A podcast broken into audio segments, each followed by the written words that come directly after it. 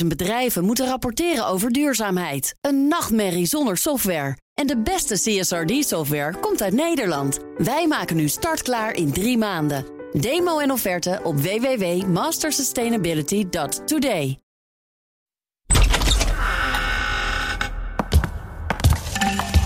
gaan we allemaal over hebben vandaag? Want er zijn zoveel dingen waar we het over kunnen hebben. We kunnen het hebben over het CDA, over het nieuws van RTL, ehm, de, het lek van de week, het coronadebat. Misschien was dat, was dat nog interessant vandaag? Vandaag, er wordt nu over vergaderd in de ministerraad. Uh, de coronadebat toch niet? Dat is, uh... Oh, het coronadebat. Ja. Uh, nee, dat was niet zo'n spannend debat, toch? Het ging over bitterballen en appeltaart. Oftewel, ah, dat gaan we straks laten We gaan horen. versoepelen. artikel 100 nog, de procedure van gisteren, waar echt gewoon de Kamer twee ministers. Hoe heet dat? De les las? Ja, over de knie legde, wou ik zeggen. Hmm. dat was het wel een beetje. Gaan we ook zo horen. En jij bent in het nieuwe Tweede Kamergebouw geweest, Sophie van Leeuwen. Ja, heel even door de draaideur en ik heb een virtuele rondleiding gehad. En ik heb stress, verhuisstress. Verhuisstress. Ja, heel erg. Oké, jij bent Sophie van Leeuwen. Naast jou zit Thomas van Groningen. Hallo. Ik ben Mark Beekhuis. Het is vandaag vrijdag 23 april en dit is Nieuwsroom Den Haag. Zullen we beginnen met gewoon lekker eh, die excursie naar dat virtuele gebouw? Dat is niet het belangrijkste nieuws van de week, maar het is wel leuk. En als jij stress hebt, moeten we dat even eruit masseren. Ja, um, ik pak even, even, even erbij. Want ik heb een hele, ja, een, een hele fiets gehad met wat we allemaal gaan doen. We gaan verhuizen, hè, Thomas? Wist Mhm. je het al? Ja, dat had ik door, ja. Het Tweede Kamergebouw gaat gerenoveerd worden, de maar ook het stuk waar jullie in zitten. Ja, de datum is bekend van uh, we gaan de hele boel leeghalen. Ook allemaal stickertjes op ons meubilair en alles eruit. 9 juli uh, is het klaar. Dus dan gaat het binnenhof op slot, gaat dicht. Dus dan moet ook de studio bijvoorbeeld weggehaald zijn daar. Ja, onze dus pot, De BNR-studio, ja. BNR-studio, radio, podcaststudio. Uh, tot 23 augustus staan wij op straat. Want dan Wat? pas Dakloos? gaat het nieuwe gebouw, dat heet trouwens um, B67. Ja, Zuiderhoutsweg 67. Ja, B67, onthoud dat. Aha. Dan pas gaan ze open. Voor ons. Uh, dus jullie staan een, een, maand of twee gewoon. Uh, Het is wel reces natuurlijk, hè? dus de vraag is Nou, of er wel. echt heel veel gebeurt. Maar Het is nu ook reces. we kunnen dan in ieder geval niet in volgende, onze week zijn, werkruimte. volgende week zijn er ook debatten tijdens het reces. Maar wat nou als dan, want we zitten dan meer in informatie. Als er dan weer een, een van de fotograaf van het ANP documenten fotografeert. En ontstaat er een enorme rel. En Geert Wilders roept een spoeddebat uh, uit. Ja, en, dan ga uh, jij op een terrasje zitten. Die zijn dan hopelijk open tot uh, uurtje of acht. Maar waar, waar gaan zij vergaderen dan? In de Oude Kamer nog? Nou, ik heb begrepen dat er dan. Er is een noodplan. Dus als we dan toch weer van het reces. Dat gaat gebeuren. Hè? Dat, die kans is, wordt met de dag groter. Uh, ja. Een rel, de formatie klapt weer. Of misschien coronatoestanden. Nou, dan gaan we de uh, plenair debatteren in de Ridderzaal. Die is eigenlijk van de Eerste Kamer nu. Hè? Dus daar wordt dan gedebatteerd. En dan komen er misschien een paar flexplekken. Maar er zijn er niet genoeg voor journalisten om maar dan nog passen even... er 150 mensen in coronatijd in de Ja. Ridderzaal? Nou ja, 150 mensen. Hè? Dat, Oh ja, ze hoeven niet allemaal aanwezig te zijn Het natuurlijk. zijn nu ook maar 50 vaak, toch? Dus Ik denk dat de Tweede Kamer blij is. Want eigenlijk wilden zij ook in de Ridderzaal. Maar de Eerste Kamer was hen voor. Dus die hadden hem al ingepikt. Hmm. Dus nu mogen ze eindelijk dan met een paar hè, eh, fractieleden op afstand in die ridderzaal. dus dat is het goede nieuws. En, maar verder dus ehm, eh, is het ook helemaal niet duidelijk waar dan iedereen gaat zitten in het gebouw. Nee. Ehm, ik begreep de fracties komen eh, tussen de vierde en de zevende etage. eh, met dan zes of acht grote liften in het midden. eh, komen ze te zitten. Maar ze zijn nog met de indeling bezig. Want oh, we hebben net verkiezingen gehad. En er zijn 17 fracties in de Tweede Kamer. Dus die indeling moest aangepast worden. Het is behoorlijk chaotisch achter de schermen. En ehm, er zijn natuurlijk veel vragen over het, het casino-entree. Daar ben ik even langs gegaan. Heb je dat al gezien, Thomas? Ja, er dook een foto op van de week op Twitter van, een, van de, de, de entree aan de stationskant van het nieuwe Tweede Kamergebouw. Ja. En dat heeft een soort van gouden afdak met, met soort van ge- gouden gewelven. Ehm, en het, het, het ziet er echt uit. Het, het had zo op Scheveningen kunnen staan, maar dan met het logo van Holland Casino erboven. Of eh, Las Vegas had het ook niet meer staan. Las Vegas, Dubai moest ik ook aan denken. En misschien is het ook wel, ze hebben 160 miljoen geïnvesteerd. Bedoeld om dan later weer hè, te kunnen verhuren aan een interessante partij. Hè? Een, een, een bank of zo Ja. uit Dubai of een, een leuk hotel. Hebben ze misschien Maar wat zeggen ze over die ingang? Ja, nou, ik heb dus niet de architect kunnen spreken. Maar wat ik dus hoor eh, van de mensen eh, van de organisatie. eh, is ja, nou jongens, het is geen gouden entree. Hè. Het is, het is Wat? honinggeel. En het is gewoon consequent het doortrekken van de kleur die we binnen al hadden. Dus daar schrok ik een beetje van. Dus van binnen is het ook goud. Het gebouw.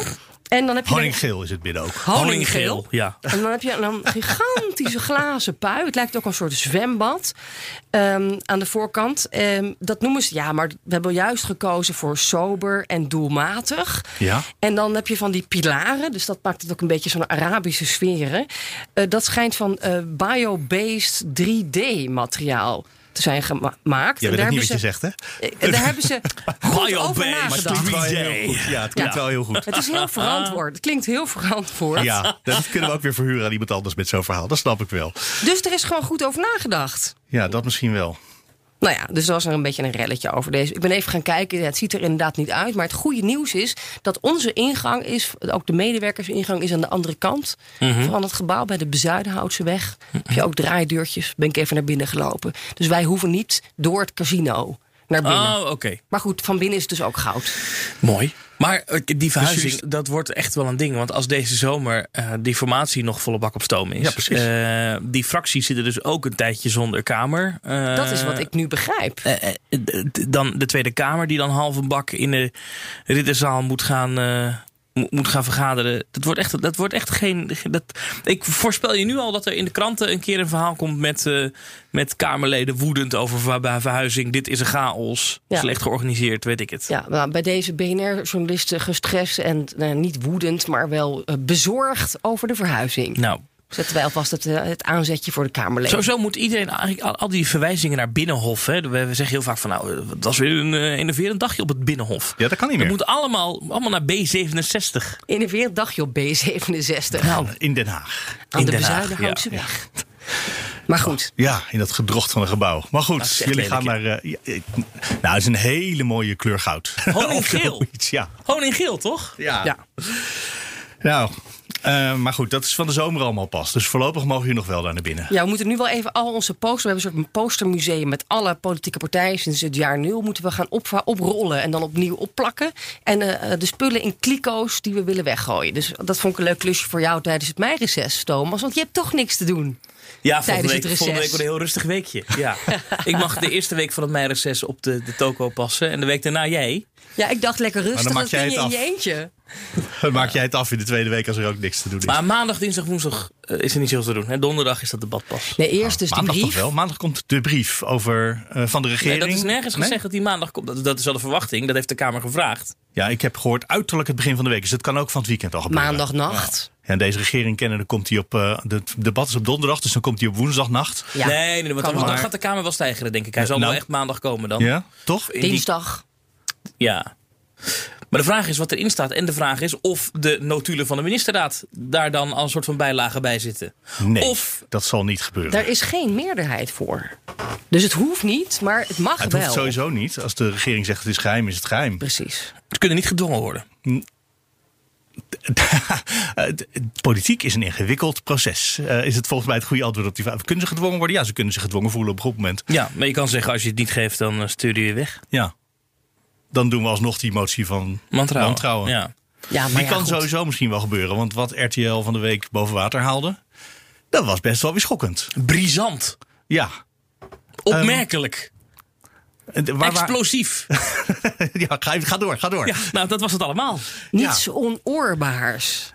Dat zegt Rutte zelf, ja. Ja. Zullen we even bij het begin beginnen? Het kabinet hield in de toeslagenaffaire bewuste informatie achter voor de Tweede Kamer. Blijkt uit geheime notulen.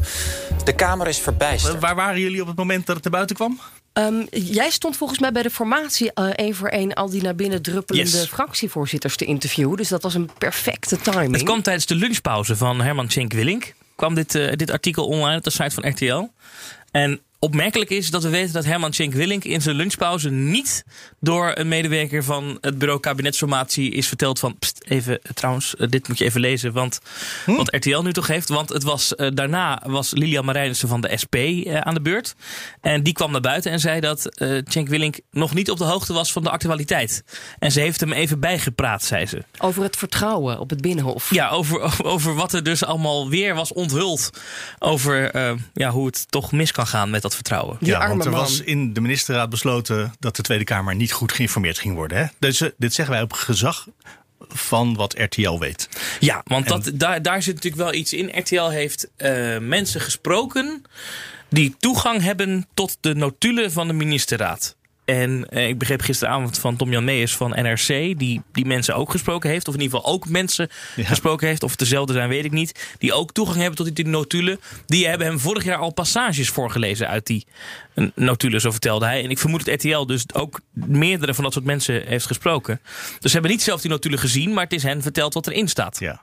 En daaruit blijkt dus inderdaad dat er bewuste informatie is achtergehouden... en dat er over Pieter Omtzigt gesproken is. ja, en dat laatste dat wisten we eigenlijk wel. Inmiddels toch? Dat was zelfs wel half toegegeven, geloof ja, ik. ja, natuurlijk, we wisten dat er... Dat, dat maar er, dat echt de er- Kamer gewoon niet geïnformeerd werd. Wat gewoon grondwet, eh, de taak is. De, de, de basis van de democratie. Ik Ja. gebruik vaker grote woorden, maar dat is het in dit geval ook echt weer. Maar als we het even gaan afpellen en we beginnen dan bij Pieter Omtzigt. Ja. Tuurlijk wisten we dat er in de ministerraad al een keer over hem was gezegd... dat, eh, dat er geklaagd was over, die CDA, eh, eh, over dat, CDA-kamerlid. zelfs toegegeven in een debat onlangs dat dat allemaal niet zo mooi was wat daar was gebeurd. En dat hij er ook een rol in had. Ja, gespeeld. maar nu lezen we dus zwart op wit dat hij, hij heeft gezegd dat de CDA-partijtop, dus vermoedelijk op, op verzoek van CDA-bewindspersonen, eh, geprobeerd heeft om hem te sensibiliseren. Ja, of die zich even in wilde houden. Ja. Beetje dimmen. Het woord sensibiliseren, daar hebben we naar gezocht. Het komt één keer eerder voor in een eh, Kamerdebat. En dan wordt het door Mark Rutte gebruikt, overigens. Maar, ehm, maar sen- Suggereren dat dat wordt ingefluisterd door. nou, weet ik niet, maar ik vind het een heel bijzonder woord, sensibiliseren. Ja. Sensibiliseren. Het, het, het bestaat in, in, in het eh, Nederlands ook eigenlijk niet. Hè? Het, het, het, het, het komt eigenlijk van het, het, eh, het Engels om iemand eh, to talk sense hè? Naar, Ja. naar in iemand. Dus iemand moet even bij zinnen gebracht Het worden. komt ook uit het Frans, sensibiliser. Sensibiliser. Oh, wie? Wat betekent dat dan? Nou, eigenlijk betekent dat wel mensen beïnvloeden en zo bewerken dat ze gaan doen wat jij wil. Nou, dat is precies wat het betekent. Of in dit geval. draagvlak. Maar goed, dat dus Ja. Hoekstra dat zelf op tafel heeft gelegd daar, dat dat gebeurd is. Ja. En eh, daar ook over meegesproken heeft. Maar de suggestie- wisten we al een beetje, maar de is suggestie is nu dat, de, dat premier Rutte degene is die dat proces destijds geïnitieerd heeft. Nee, nee, man- ja, dat weten we niet. Hè? Dat Dat- weet, nee, dat- we weten, we sterker nog, we weten niet eens wat er letterlijk op papier staat. Eh, maar als je zegt dat woord is één keer eerder gebruikt en toen was het de premier. ja, gewoon als je, als je eh, zoekt op dat woord in de handelingen. Het Ja. komt uit zijn vocabulaire. Precies. En dat suggereert dan ook dat de premier heeft gezegd: eh, Nou, die omzicht, iemand moet hem even sensibiliseren. Dat, dat Want niemand, niemand anders gebruikt dat woord. Daar gaat het op dit moment over in de ministerraad. Hè? Ja, terwijl wij dit opnemen, wordt er vergaderd. Waarschijnlijk over wat ze de Tweede Kamer papier nu gaan antwoorden. Ja, en Mark, Mark, wat had jij nou eh, gezegd dat eh, ik moest zeggen dat hij eh, dat Pieter om zich moest worden Nou, gesensibiliseerd? dat staat en- gewoon in de, in de notulen. Mevrouw Kaag, ehm, was, jij, jij zat helemaal niet in Niger. Je zat gewoon hier bij ons aan tafel. Nou, dat soort ruzies gaan we nu, denk ik, vandaag digitaal bespreken. Ja? Ik heb En even de quote, de quote van Rutte erbij gepakt. Eh, dit is een debat dat gaat over de Europese top. Dat is een Europese top in 2015 geweest. Dus wel even geleden hoor. En daar gebruikt eh, Rutte eh, de zin. eh, ik denk dat de informele bijeenkomst wel dienstig is geweest om de Grieken verder te sensibiliseren. De Grieken die waren ook zo lastig in Europa. Hè, met, We willen niet die begrotingsregels. En die moesten even gesensibiliseerd worden. Nou, het is extra verdacht hè, als dit inderdaad vocabulaire is. Dat komt uit Brussel. Dat is inderdaad ook hè, uit, uit de francofonie. Diplomatieke taal wordt dat woord vaak gebruikt als je een probleem hebt dat je moet oplossen. Ja. Dus dat, de verdenking dat het. Dus het is of Rutte Van- of misschien Kaag. Dat is ook een echte diplomaat. Ja. 24 maart 2015. We gaan het volgende week misschien lezen. Nee, ik denk het trouwens niet. Ik denk als die notulen naar buiten komen, gewoon op ervaring uit het verleden verder, geen enkele eh, kennis over nu, maar dat als die notulen naar buiten komen, gebeurt dat tijdens het debat.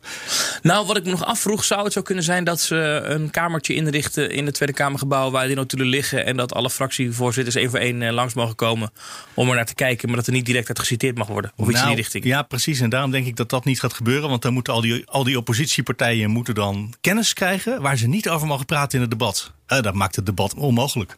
Ja. Dus dat, daar, kunnen, daar kunnen die. Ja, de coalitie kan er wel mee akkoord gaan, maar de voor de oppositie is dat onwerkbaar. Nee. Denk dan ik, wordt er weer denk gelekt. Ik, wie ben ik? Maar ja, dat mm. dit debat is trouwens eh, aanstaande donderdag, volgende week donderdag. Donderdag, kwart over tien 's ochtends. Dus het wordt geen nacht van Rutte, maar gewoon een eh, dag van Rutte. Nou, dat weet je niet, hoe lang het debat gaat duren. Ja, dat zal toch niet zo lang duren? Dan zou het wel een recordlengte zijn. Als tot- dan nog tot diep in de nacht doorgaan. Ja, dat gebeurt wel eens. Ja, Wel het kan. Het kan. En maar het grootste nieuws was natuurlijk niet het sensibiliseren. Maar was natuurlijk het feit van. Nou, er is een, om een feitenrelaas gevraagd door de Tweede Kamer. En dat in die ministerraad is afgesproken. Nou, eh, we gaan daar toch even wat informatie uithalen. Ja, precies. Waarmee het niet alleen Rutte is, maar ook de hele regering. Iedereen die die dag eh, niet in eh, Niger zat, maar gewoon aan tafel mee vergaderde. Ja. Ja. Ik vind dat wel ergens een lastige, moet ik je eerlijk bekennen. Om even gewoon te, het, het besef in mijn hoofd dat iedereen dan verantwoordelijk is. Eh, is dat. Kan je die conclusie trekken? Tuurlijk, hè, formeel is het waarschijnlijk zo. Maar eh, als het niet jouw onderwerp is in een vergadering. en je zit met. eh, hoeveel mensen zitten er in de ministerraad op zo'n moment? Ja, iemand zei: Kan dit? Dit mag toch niet Ja, zo? maar we weten niet wie. Nee, dat klopt. Maar, eh, maar, maar mijn punt is meer. Ik kan En me best maar die heeft het daarna toch geaccepteerd. En de rest heeft dat debat gehoord. Die heeft de vraag gehoord. En die heeft niet gedacht: inderdaad, dit kan niet. Ja, maar als wij hier bij BNR een redactievergadering hebben. en het gaat niet over politiek, maar over weet ik veel, sport. dan eh, zit ik ook even op mijn telefoon. Dan ja, denk maar ik, als ja, jij de, de journalistieke basisregels of hè, je, je hebt maar één bron of wat dan ook overtreedt en niemand grijpt in. Het is ook een gezamenlijke verantwoordelijkheid van een bedrijf, van een ministerraad, toch? Van een club. Ja. Dat je je aan de regels Dus houdt. iedereen verantwoordelijk, iedereen die daarbij was, die wist het. Ja, die heeft in ieder geval niet ingegrepen van jongens, jullie gaan er iets doen wat echt niet kan. Punt. Ja. Dus, dus iedereen heeft een streepje achter zijn naam die daar zat. En, en daarmee is het ook ik. een eh, gezamenlijke verantwoordelijkheid. En je, ja, je voelt dat ook een beetje in de Tweede Kamer. Denk je niet bij de voormalige coalitiepartijen, die toch een grotere meerderheid hebben, Hm. om, om dit nou niet helemaal uit de hand te laten lopen? Ja. Denk je niet? Ja. Het, het, het, het punt wat ik zo apart vind aan deze is, is hoe eh, de Rutte hier nu al op reageert. Eh, want hij kwam naar buiten. Hij heeft anderhalf uur gesproken eh, met Herman Tjenk Willink over vertrouwen, over de formatie. Cenk Willink was inmiddels wel ingelicht eh, over Ja, het het aan het lek. eind van die dag. Ja. Ja, ja hij had, want Cenk Willink had ook een hele lange dinerpauze. Want hij had de hele dag door mensen ontvangen. En de laatste ging om zes uur weg. En toen pas om half negen kwam, eh, kwam Rutte langs. Had ook een beetje te maken met de agenda van de premier. Want die was nog naar Groningen geweest overdag. Dus die heeft in de auto terug naar Den Haag alle tijd gehad om even te bellen met iedereen. Hoe gaan we dit nou? Wat is ons verhaal nou precies? En Welk woord zal ik gebruiken als Welk- ik straks de uitloop heb? Precies. En eh, dat woord, dat, is, dat, dat, dat, dat zijn eigenlijk twee woorden geworden. Eh, ik kan wel zeggen, er is eh, bij het opstellen van dat feitenrelaas in het kabinet niets vreemds gebeurd of onoorbaars. Maar de vraag is, dat is het verhaal, dat er bewust informatie is achtergehouden. U heeft eerder gezegd, wij hebben nooit om politieke redenen informatie achtergehouden. Blijft u daarbij? Wat ik u al zei, er is niets onoorbaars of vreemds gebeurd. Eh, dus, maar we gaan dat wel zorg... We gaan, ja, dus ik blijf bij die uitspraak, maar we gaan zorgvuldig die brief schrijven. Niets vreemds of onoorbaars. En dat moest ik ook even opzoeken hoor. Onoorbaar. Wat, wat betekent dat nou eigenlijk? Ja, we Ja. leren zo, zoveel vandaagse politiek. Hè? Er zijn Heel veel mooie Nederlandse woorden. En een half Frans woord kennelijk. Ik denk niets onbetamelijks of iets dergelijks. Ik, ik, Ja. ik heb dat woord nog nooit eh, gebruikt of nou, gehoord misschien wel. Wiens vocabulaire is dat? Ook goede vraag. Onoorbaar. Het wordt in verband gebracht met Sodom en Gomorra. Nou, dan weet je het wel. Het was, Dus het had niks te maken Geen- met Sodom en eh, Gomorra. Het was geen Sodom en het was Gomorra daar. geen orgie. Oké. Nou, maar, maar Maar uit, wat hij natuurlijk eigenlijk zegt is... Zo, het is eigenlijk gebruikelijk dat we in de nee, dat zegt hij. Nee, dat soort zegt- dingen... Maar dat zegt hij dus niet. Nou, Ja, aanpakken. Ja, jij zegt omdat hij zegt niets vreemds. Ja, Zegt hij, zo dit is deden we gebruikelijk. dat nog in de tijd voordat we het over politieke transparantie en nieuwe cultuur hadden. In november 2019 kon dit nog. Toen was dat normaal. Niet, niets Nee, maar onoorbaar. onoorbaar is een waardeoordeel. Dat is, een, het is niet een feit. Dat is gewoon, ik vind dat het oké is. Of dat er niks misgegaan is. En dat zei hij deze week. Dus hij praat met de kennis van nu daarover. Dus hij vindt het nu niet onoorbaar. Ja, en hij vindt nog steeds natuurlijk dat je je ambtenaren moet beschermen. En dat ze vrij op moeten kunnen spreken. En dat er een grens is aan hè, wat, wat er wel niet Ja. naar buiten kan. En Want daar ik- gaat het natuurlijk om als je een feitenrelaas maakt over wie wist wanneer wat van wat er binnen de Belastingdienst was gebeurd in dit dossier. Dan ga je dus namen en rugnummers van ambtenaren publiceren. Maar die komen dan op eh, tweedekamer.nl bij eh brief van regering te staan. Ja. Bij alle kamerstukken. En, En- dat, is, dat, dat wil je voorkomen. Net als dat telefoontje om half acht 's ochtends, weet je nog, in het eh, vorige debat of die nacht waar, waar de boel explodeerde Mhm. over Pieter Omtzigt. Hè, dan wilde hij ook niet de bron eh, weggeven van wie hem die ochtend had gebeld.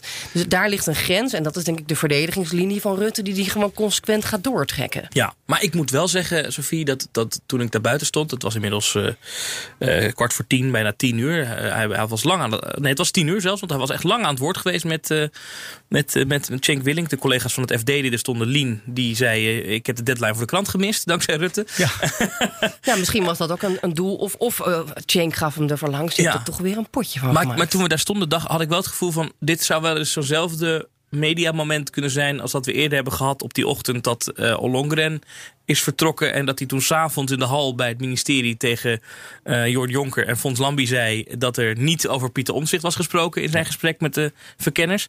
Dat gevoel kreeg ik nu wel weer. Van hij zegt nu heel stellig, er is niets vreemds of onoorbaars gebeurd. Ja, maar het was als geen keiharde ontkenning. Dat was nou, ik vind niet. dat wel een ontkenning. Want je ontkent nou goed, dat jij dan wat daar gebeurt is niet vreemd of onoorbaar vindt. Dat, dat klopt. Maar als komende week uit die stukken of brief of wat dan ook blijkt dat er daadwerkelijk wel iets vreemds gebeurd is. Nou, dan kan hij nog steeds zeggen, maar ik vind dat niet vreemd. Ja. Dat vindt de SP wel, maar... De SP, ja, precies. En ik waardeer, ik, ik respecteer uw oordeel, zegt hij er tegenwoordig vaak achteraan. Maar dat betekent, ik ben het niet met je eens. Dus hij heeft, kijk, hij heeft hele slimme woorden gekozen. Want anders had hij kunnen zeggen, we hebben niks achtergehouden. Maar dat, is, dat zegt hij niet. Nee, hij dat heeft er een waardeoordeel over gegeven. En dat is uh, zijn oordeel. Daar kan je niet mee uh, dus hier discussiëren. Is, over, is hier eens over nagedacht? Dat zei hij. In die auto eh, van Groningen naar Den Haag is er nagedacht over welke woorden er gebruikt konden worden. Ja.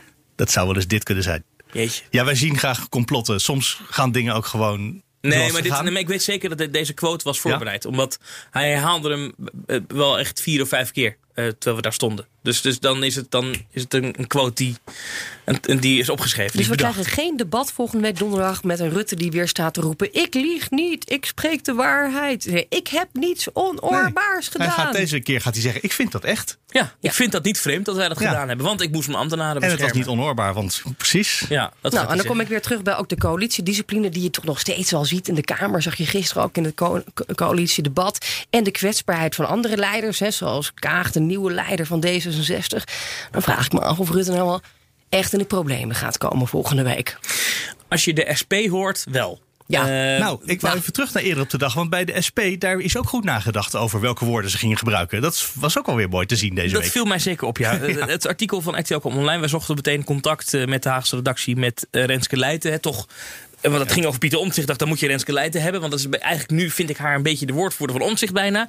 In de, in de Kamer. ja. Want zij, eh, ze, ze hebben altijd op, samen opgetrokken. Ja, zij trokken zo samen op. Dus we dachten, haar reactie moeten we hebben. Uh, dus nou, echt niet langer dat het artikel van RTL online stond, wilden ze ons wel te woord staan. En echt pittige taal sloeg ze uit. Mevrouw Leijten, we wisten al dat de informatie was achtergehouden. Alleen we weten nu dat het in de ministerraad is besloten om politieke redenen, toch? Ja, een van de observaties die de ondervragingscommissie heeft gedaan, die over de toeslagenaffaire ging, was dat er informatie voor de Kamer achter is gehouden. Niet omdat de informatie er niet was of niet betrouwbaar was, maar om politieke redenen. Dus om de beeldvorming voor het kabinet. Met het risico ook dat de Kamer verder zou gaan zoeken naar extra informatie. Ja, en nu staat dat dus volgens deze bronnen echt ook in de notulen van de ministerraad. En daar schrik ik wel van.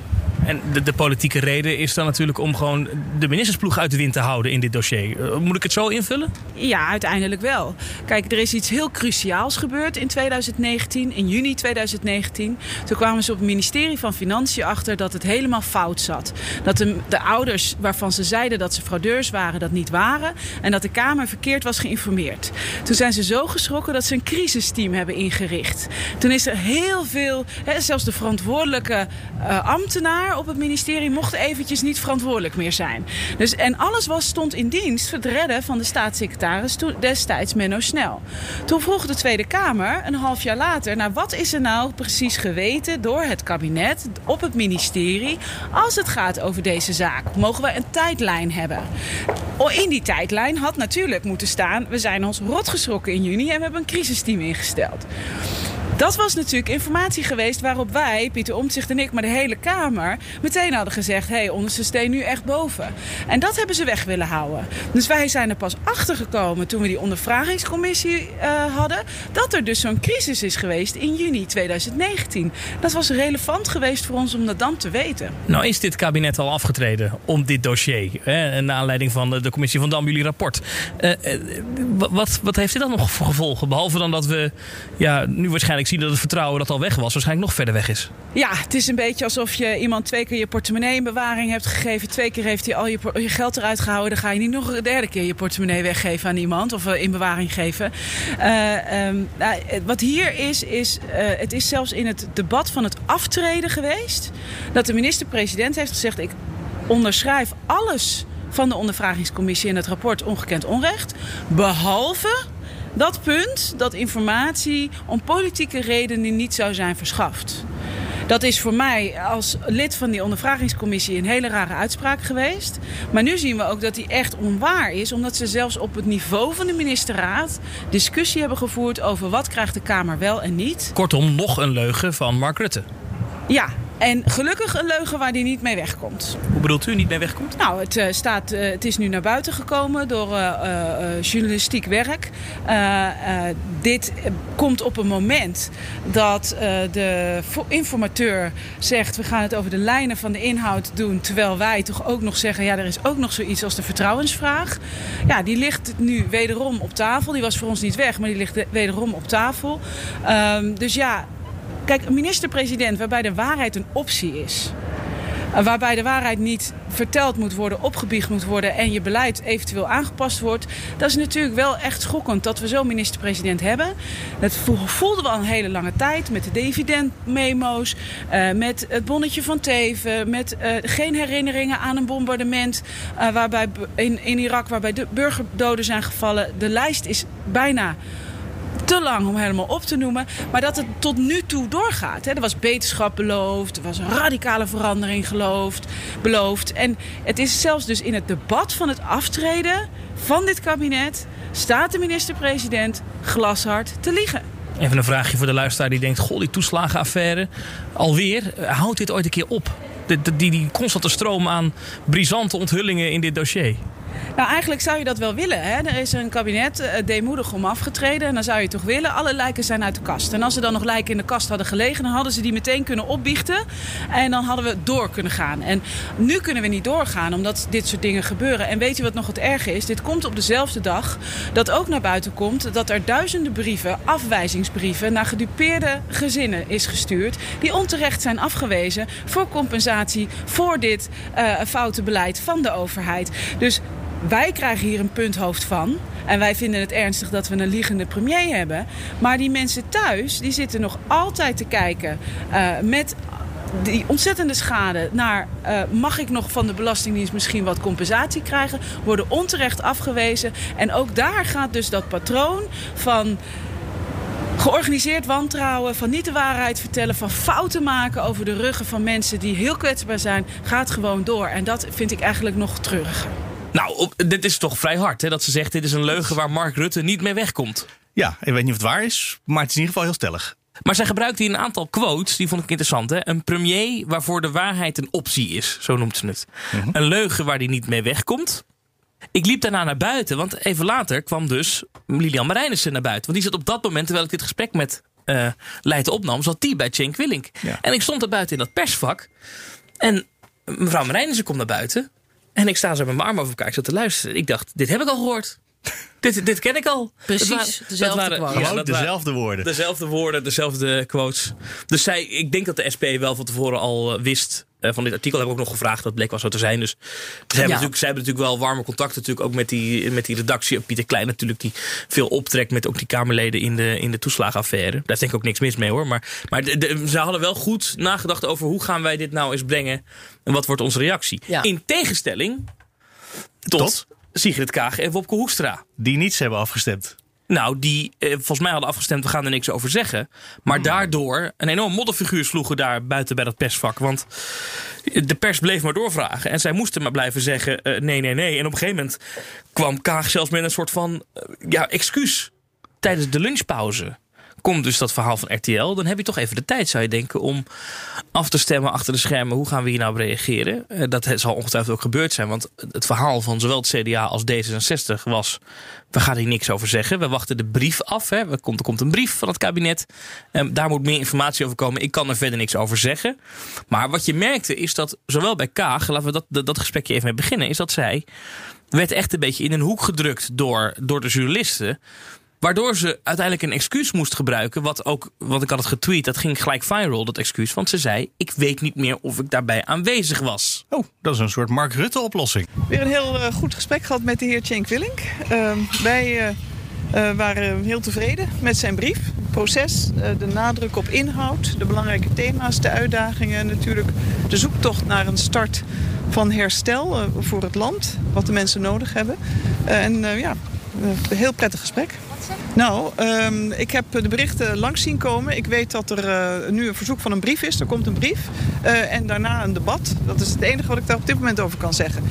Ik weet persoonlijk niet of ik op die momenten erbij was, maar daar gaat het niet om. Zoals ik net zei, er komt een brief van het kabinet uh, en dan komt er een debat. Dan is het heel belangrijk dat er dan wordt gekeken wat er toen is besloten met inzicht van alle documenten. Ik heb die zelf nu niet in kunnen zien. Ik kan het vijf keer zeggen, maar het blijft wel hetzelfde antwoord. Het is, een heel, het is een heel proces van toen. Ik denk dat het heel belangrijk is dat er een brief komt van het kabinet... waarbij alles zorgvuldig wordt gewogen. Dat alle informatie die beschikbaar is, wordt meegegeven. Daar staan wij voor, daar staat iedereen voor. Uh, daar wordt aan gewerkt en dan komt er een debat... en dan kunnen we op basis van alle informatie... kan iedereen dan ook, denk ik, zijn stelling nemen. Wat zegt u? Nee, ik zeg even nu over... bijvoorbeeld gaat iets over november 2019. Ik zeg, wordt gezegd, u zat daarbij. Ik weet bijvoorbeeld fysiek niet of ik daar op dat moment in Nederland was... of dat ik in Niger zat. Maar daar gaat het niet om, dat zei ik ook. Dat is veel belangrijker. Het gaat om dat wij, dat nu even met de hoed van demissionair kabinet... dat er een brief komt met alle informatie, met reactie... en dat er dan een debat komt. Ook vanuit D66 zijn er heel veel vragen. Dat zeg ik met de pet op van fractievoorzitter. Meer dan dit kan ik op dit moment niet zeggen. Ja, ze ging op een gegeven moment... ja, misschien zat ik wel in Niger... Maar ze zat niet in Niger. Nee, maar dat had ze toch gewoon lang even kunnen opzoeken. Dat is toch niet, want de datum staat in het artikel van RTL. Dat was een paar uur daarvoor al online. Dat had ze toch al lang kunnen weten of ze er wel of niet bij was geweest. Dus ze had er in ieder geval geen actieve herinnering aan. Nou ja, dat is eigenlijk wat ze zegt, want ik Ja. weet het eigenlijk niet. Ja. Dat vind ik op zich een goed antwoord. Ja. Ik was net met Cenk Willing aan het praten over de mogelijke formatie. Eh, u wil iets weten over een ministerraad van een tijdje terug. Ik heb geen idee of ik erbij was. Als ik erbij was, kan ik me dat zo snel niet herinneren. Dat is toch een goed antwoord? Nou, dat is misschien, zou dat normaal gesproken een goed antwoord zijn. Maar wat we de afgelopen weken hebben gezien op het Binnenhof, is het misschien geen goed antwoord. We hebben allemaal die compilatie gezien van Mark Rutte, die onder andere die antwoorden die hij ooit gaf over Hawija. Jongens, dat is jaren geleden, dat weet ik toch allemaal niet meer. Nou, dit, ja. Dat- dat- dat soort quotejes. En we hebben de kwetsbaarheid gezien van D66. Dat alles wat over hè, politiek en het nieuw leiderschap gaat en, en transparantie. Ja. Nou, dat ligt onder een vergrootglas. Dan is het niet zo handig. Dan, ja, dan is het geen handig citaat. Niet zo handig. Nee. Hoekstra? Zo, ja, zometeen Hoekstra. Eerst nog even, want ondertussen iedereen loopt nog steeds in en uit bij Cenk Willink. Voor de formatie.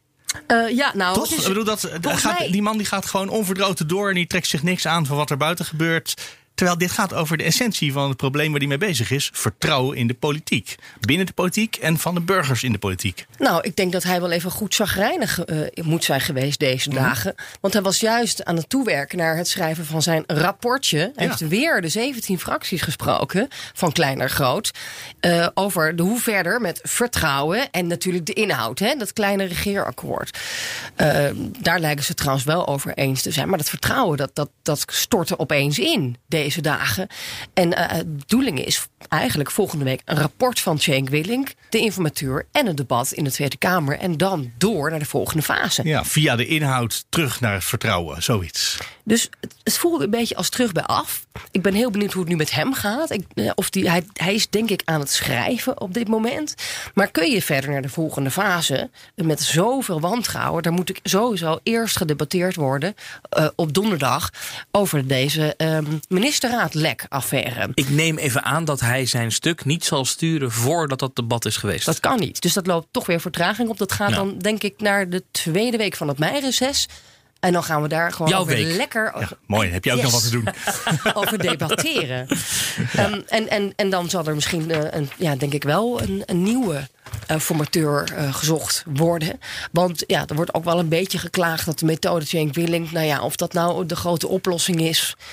ehm, voor de problemen. Ja, voor de gevestigde orde waarschijnlijk wel. Maar voor al die andere partijen, die 12 of 13 die erbij gekomen zijn, is het misschien niet de, meest goede, de, niet de beste oplossing. Nou, en er wordt ook geklaagd over eh, eigenlijk het voorstel van eh, wat, wat hij wil, is meteen doorpakken in een soort van ja, op een A4'tje. En dan ook het herstel, het corona-herstelplan. Dat, dat moet dan nu geschreven worden. Maar dan ook wel weer voor de lange termijn oplossingen doortrekken. En niemand wil dat eigenlijk in Den Haag is gebleken. Dus hij zal dat ook moeten inslikken intrekken, dat voorstel van hem. Er wordt een heel duidelijk onderscheid gemaakt met, tussen eh, nu eh, de maatregelen die we kunnen nemen voor MKB, et cetera. En dan daarna, als het gaat om transitie van de economie en de post-coronacrisis, dat is aan het nieuwe kabinet.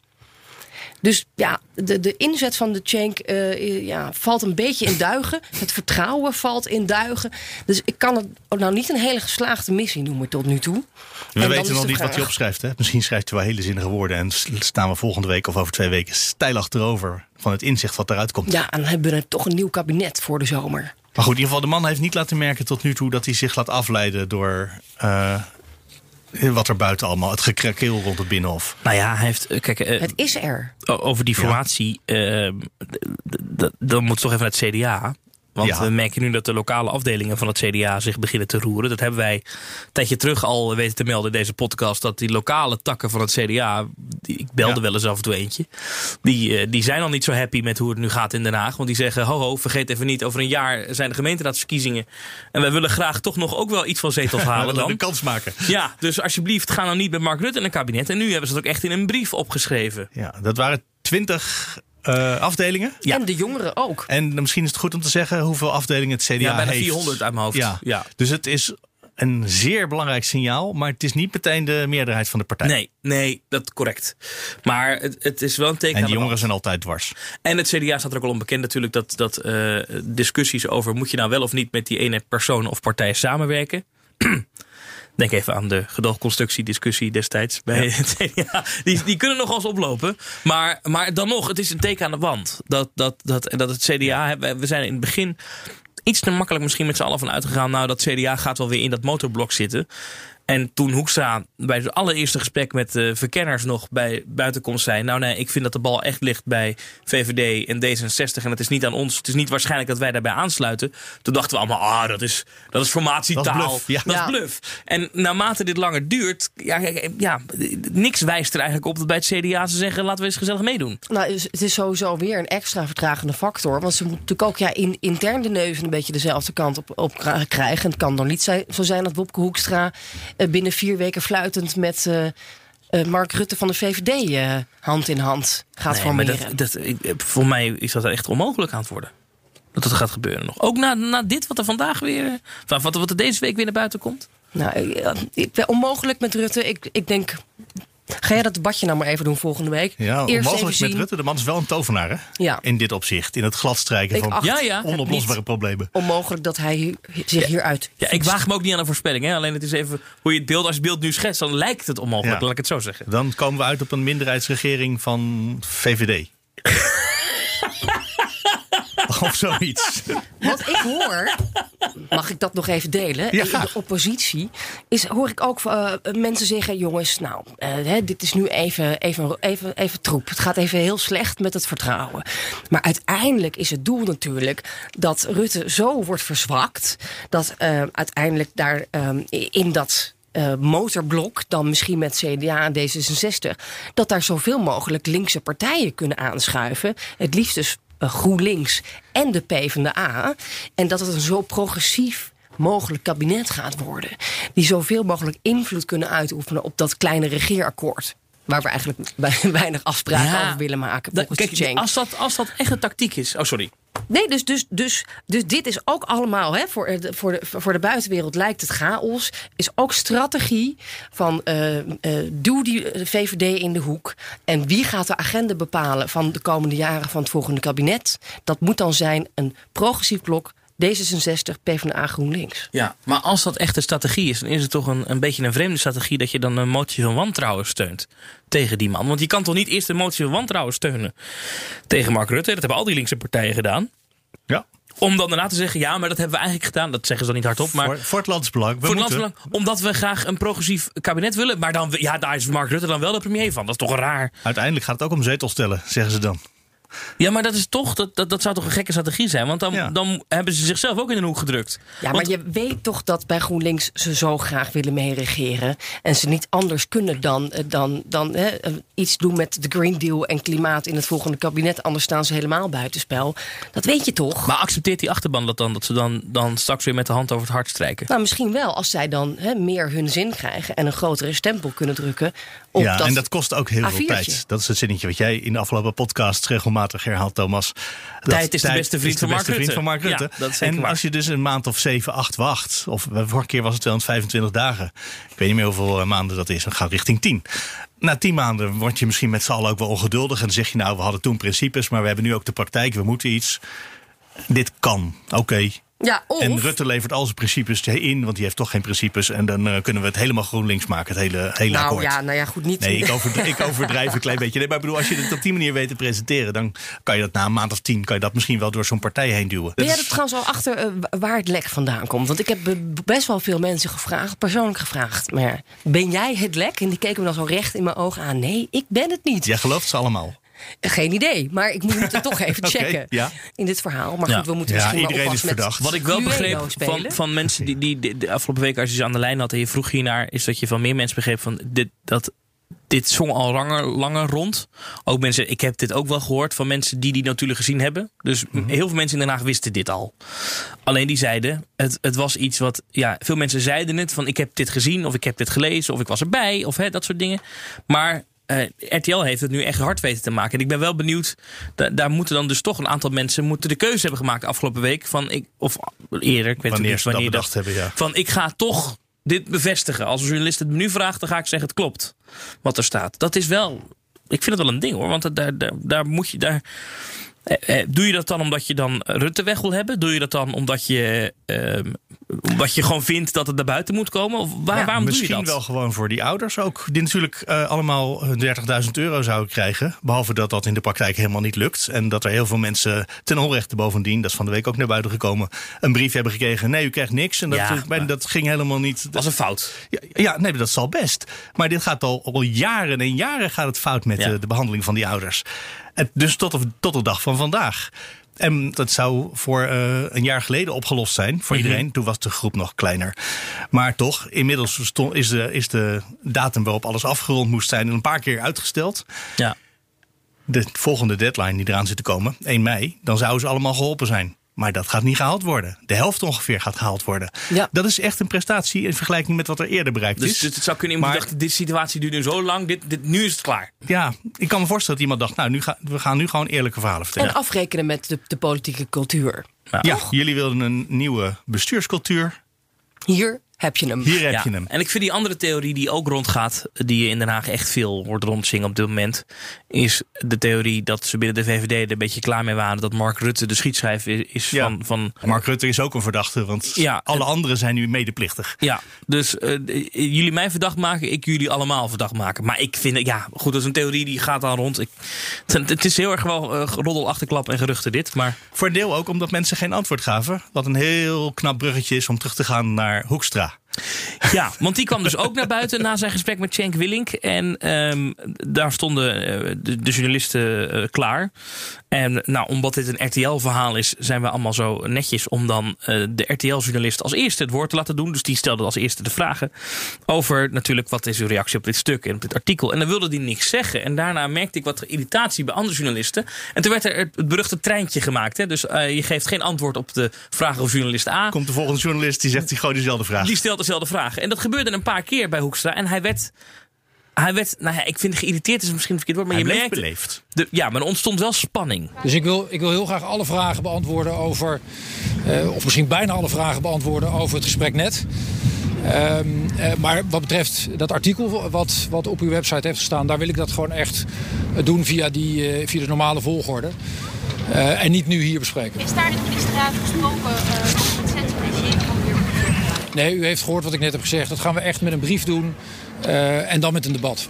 Ik ga even kijken wie van u nog wat wil vragen over het gesprek net. Ja, daar ben ik wel heel benieuwd naar. Want eh, ik vind het toch wel tamelijk bizar dat een van de, de media hier een onthulling doet en u weigert daar iets over te zeggen. Nee, maar ik vind dat... Maar dat heeft niets met de normale volgorde te maken. Zeker wel. Ja, onthult hier iets, u vraagt hier iets over aan u en u houdt u. Nee, want ik ben net als CDA-leider ben ik bij de heer Cenk Willing geweest. Om te praten, om te praten, Dat u als minister... om te praten, minister om te praten over de formatie. Laat me uitpraten. Dat u als minister van Financiën... Het mag, wel iets, het, mag ook vanuit, het mag ook vanuit u wel op een iets andere toon. Nee, maar u, u weigert hier ma- antwoorden te geven op... op En dit, ik vond dit wel, wel typerend of zo. Dit, is, dit, dat, dat, dit, dit, dit ging niet lekker, dit gesprek. Deze later zijn er ook excuses gemaakt, eh, begreep ik. Eh, Van journalisten aan de minister. aan de minister dat, het- dat het misschien wel erg fel was. Of ik zeg minister, maar hij was daar natuurlijk in de rol van CDA. Dat, dat zei hij ook altijd. Ik ben hier als CDA-leider en, en, en eerste brief en eerst die. En hij haalde ook, en dat had natuurlijk wel een punt. Hij zei: Ik kan hier niet gaan vertellen over ministerraadnotulen, want dat is geheim. Ja. Dus ik, u vraagt me iets wat ik niet mag zeggen. Ja, dat was eigenlijk een beter antwoord geweest voor Sigrid Kaag. Hè? Ja, in plaats van ik zat in eh, Niger. Misschien zat ik wel in Niger, ja. Ja. Staatsgeheim. Lijkt me zo lekker als je zo vaak op reis bent geweest in je leven. Dat je kan zeggen: Ja, ik weet niet of ik dat. Ik weet Misschien was ik wel... eh, Misschien was ik wel. het eh, kan ook Ivoorkust geweest Ja. zijn. Bangladesh. misschien was ik wel. Ja. Misschien was ik wel weer in Amerika of zo. Ja, Dat, ik heb dat nooit. Dat ik pro, de, de- Niger, nee, Niger, daar was ik geloof ik niet. Nee, nee. ik wil nog even naar een eh, debat van gisterochtend. Hebben jullie dat gezien over de artikel 100 brief? De ze- uitzending van nog eens extra 80 man naar, of vrouwen ook voor een deel, naar Afghanistan? Ik heb alleen het plenaire debat gezien, maar er ging natuurlijk nog een commissievergadering aan vooraf. Ja. Eh, en dat, dat schijnt wel vuurwerk geweest te zijn. Nou, ik heb dat eh, met open mond zitten kijken. Het begon eigenlijk mee dat de voorzitter zei: We gaan nog even niet vergaderen. Er is nu iets gebeurd. Ik wil eerst uitleg van de ministers. Er zat de minister van Defensie, de minister van Buitenlandse Zaken, Bijleveld en Blok. En eh, ja, die hebben nu Nederlandse militairen naar het buitenland gestuurd, naar Afghanistan. Om Zonder daar toestemming. te doen. Zonder eerst vooraf, zoals ook in de grondwet, is ook een overtreding van de grondwet. Zonder vooraf aan de Kamer eh, te vertellen dat ze dat gaan doen. En dat er dus van tevoren ook gesproken kan worden.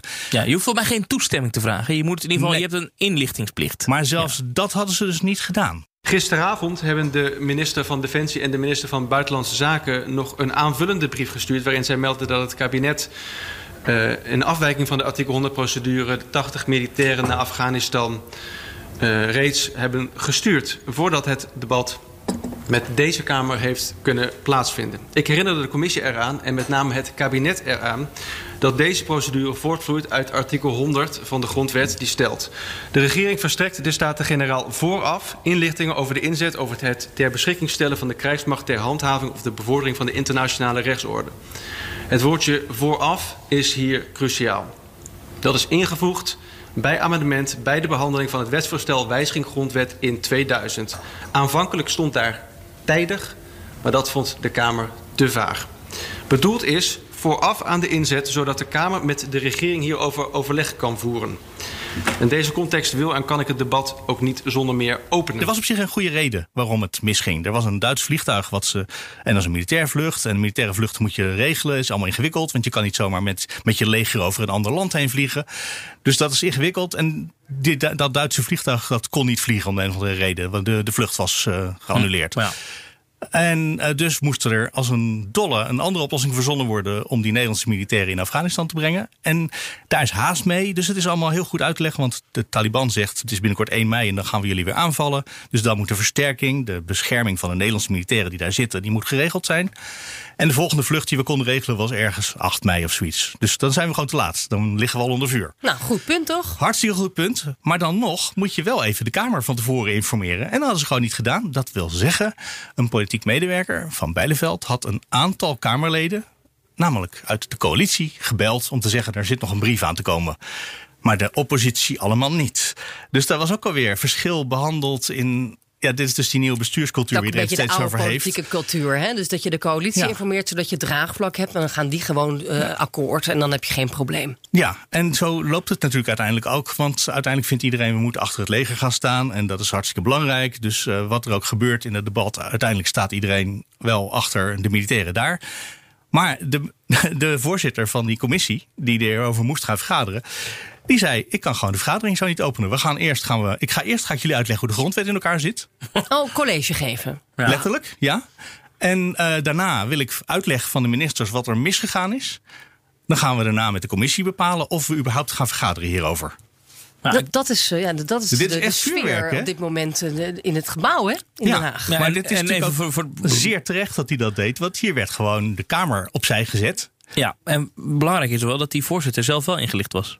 Ja, de voorzitter was geïnformeerd. Nou ja, maar die zit ook in de coalitie. De Ja, coalitiepartijen Dus- waren dus- geïnformeerd. Dus het was een coalitiegenoot. Ja, Sjoerd Sjoerdsma, D66. Die, die, die, die hier boos om werd. Ja, en, En, en, ja. En vergeet niet hè, dat Bijleveld heeft een geschiedenis. Dus de CDA-minister met het informeren van de Kamer is niet goed gegaan in de Havicha-kwestie. Het bombardement, Mhm. eh, moties van wantrouwen, net nagenoeg overleefd.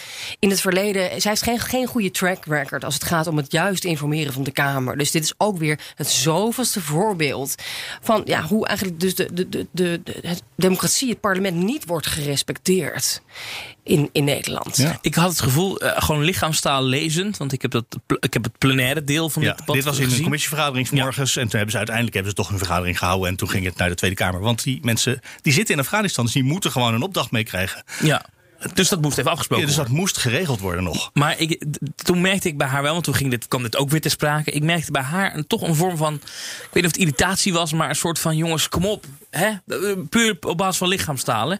Als er dan weer over begonnen werd, ook in haar beantwoording. Zo van: ja, weet je, ik, ik, ik, ik, we hadden haast. Het moest in een paar uur geregeld worden. Ja, En zegt ja, het gaat om mensenlevens. en om- dat ja. is natuurlijk waar. En moet ik dan u eerst gaan bellen? Ja. Ja, ja dus. Ja, dat moet ze volgens Ja. de grondwet wel, maar ja. Ja, nou, dit was ook weer zo'n moment waarop de grondwet even genegeerd werd.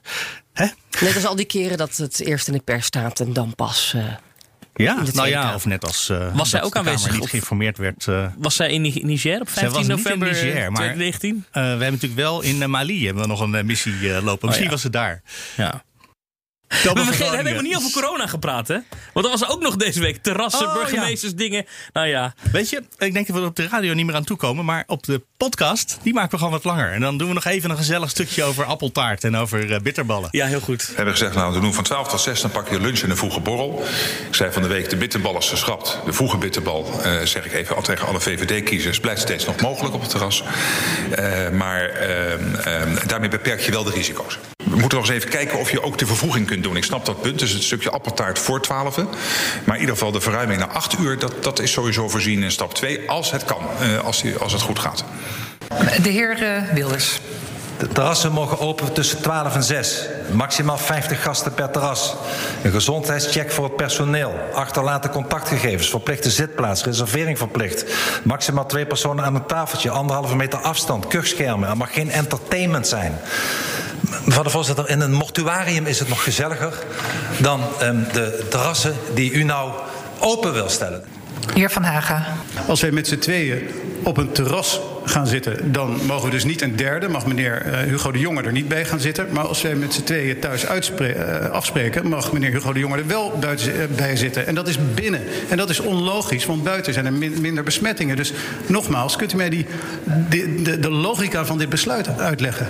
Minister-president. Dat is omdat we zeggen, buiten, pas nou op, dat je, je botst elkaar op, het kan te druk worden. Beperkt die aantallen nou enigszins.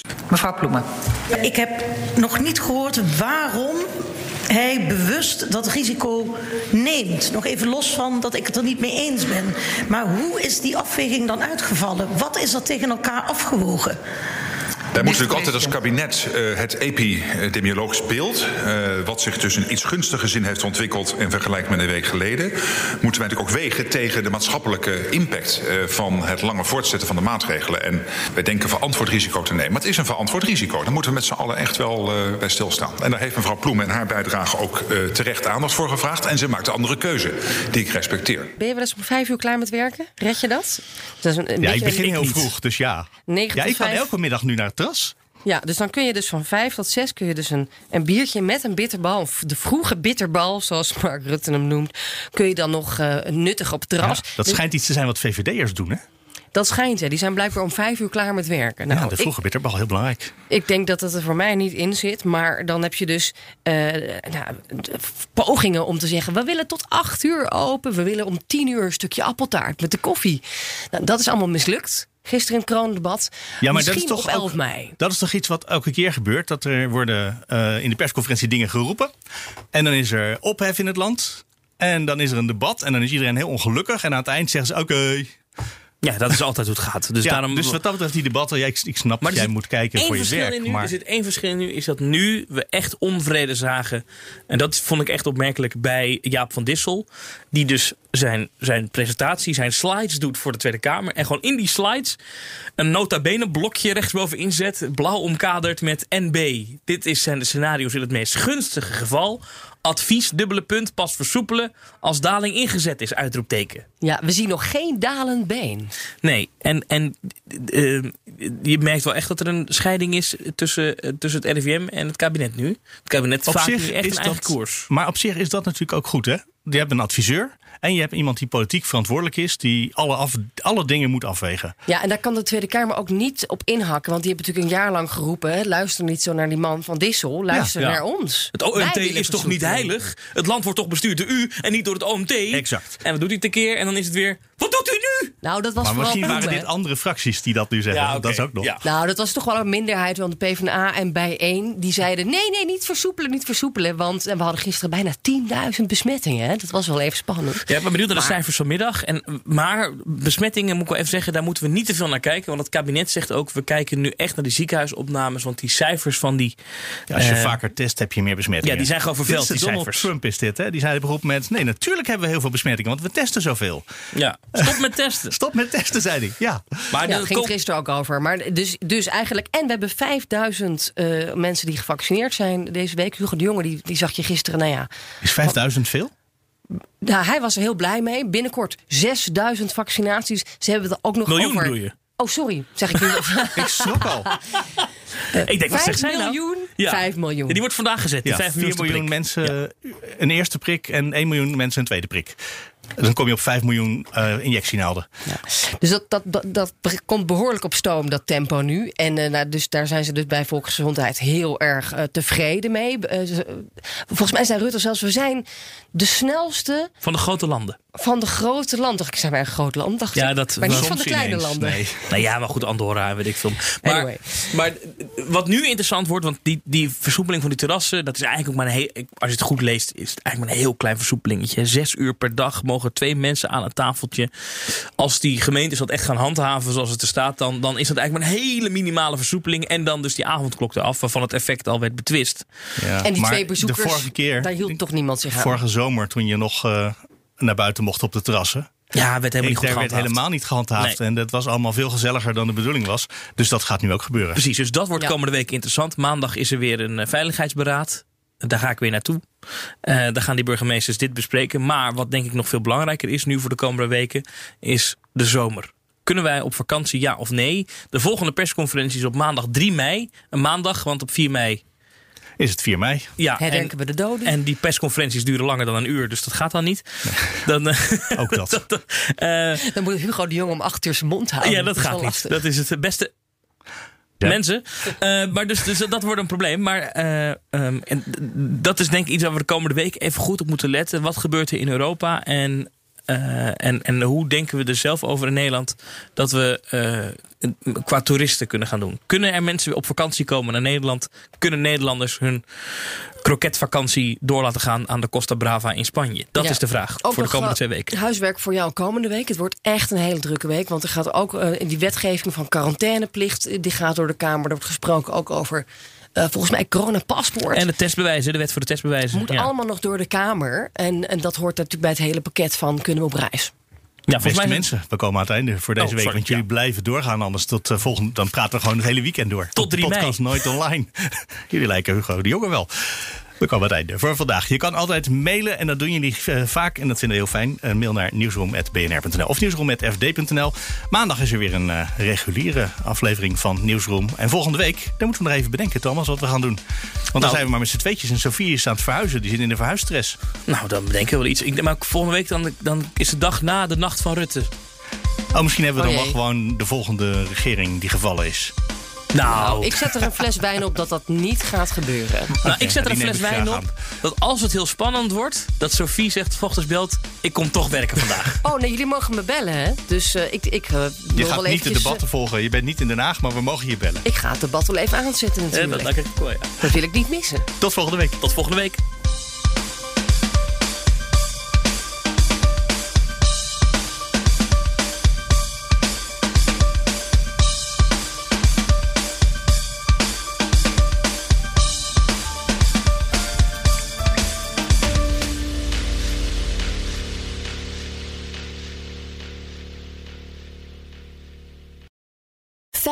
,50.000 bedrijven moeten rapporteren over duurzaamheid. Een nachtmerrie zonder software. En de beste CSRD-software komt uit Nederland. Wij maken nu startklaar in drie maanden. Demo en offerte op www.mastersustainability.today.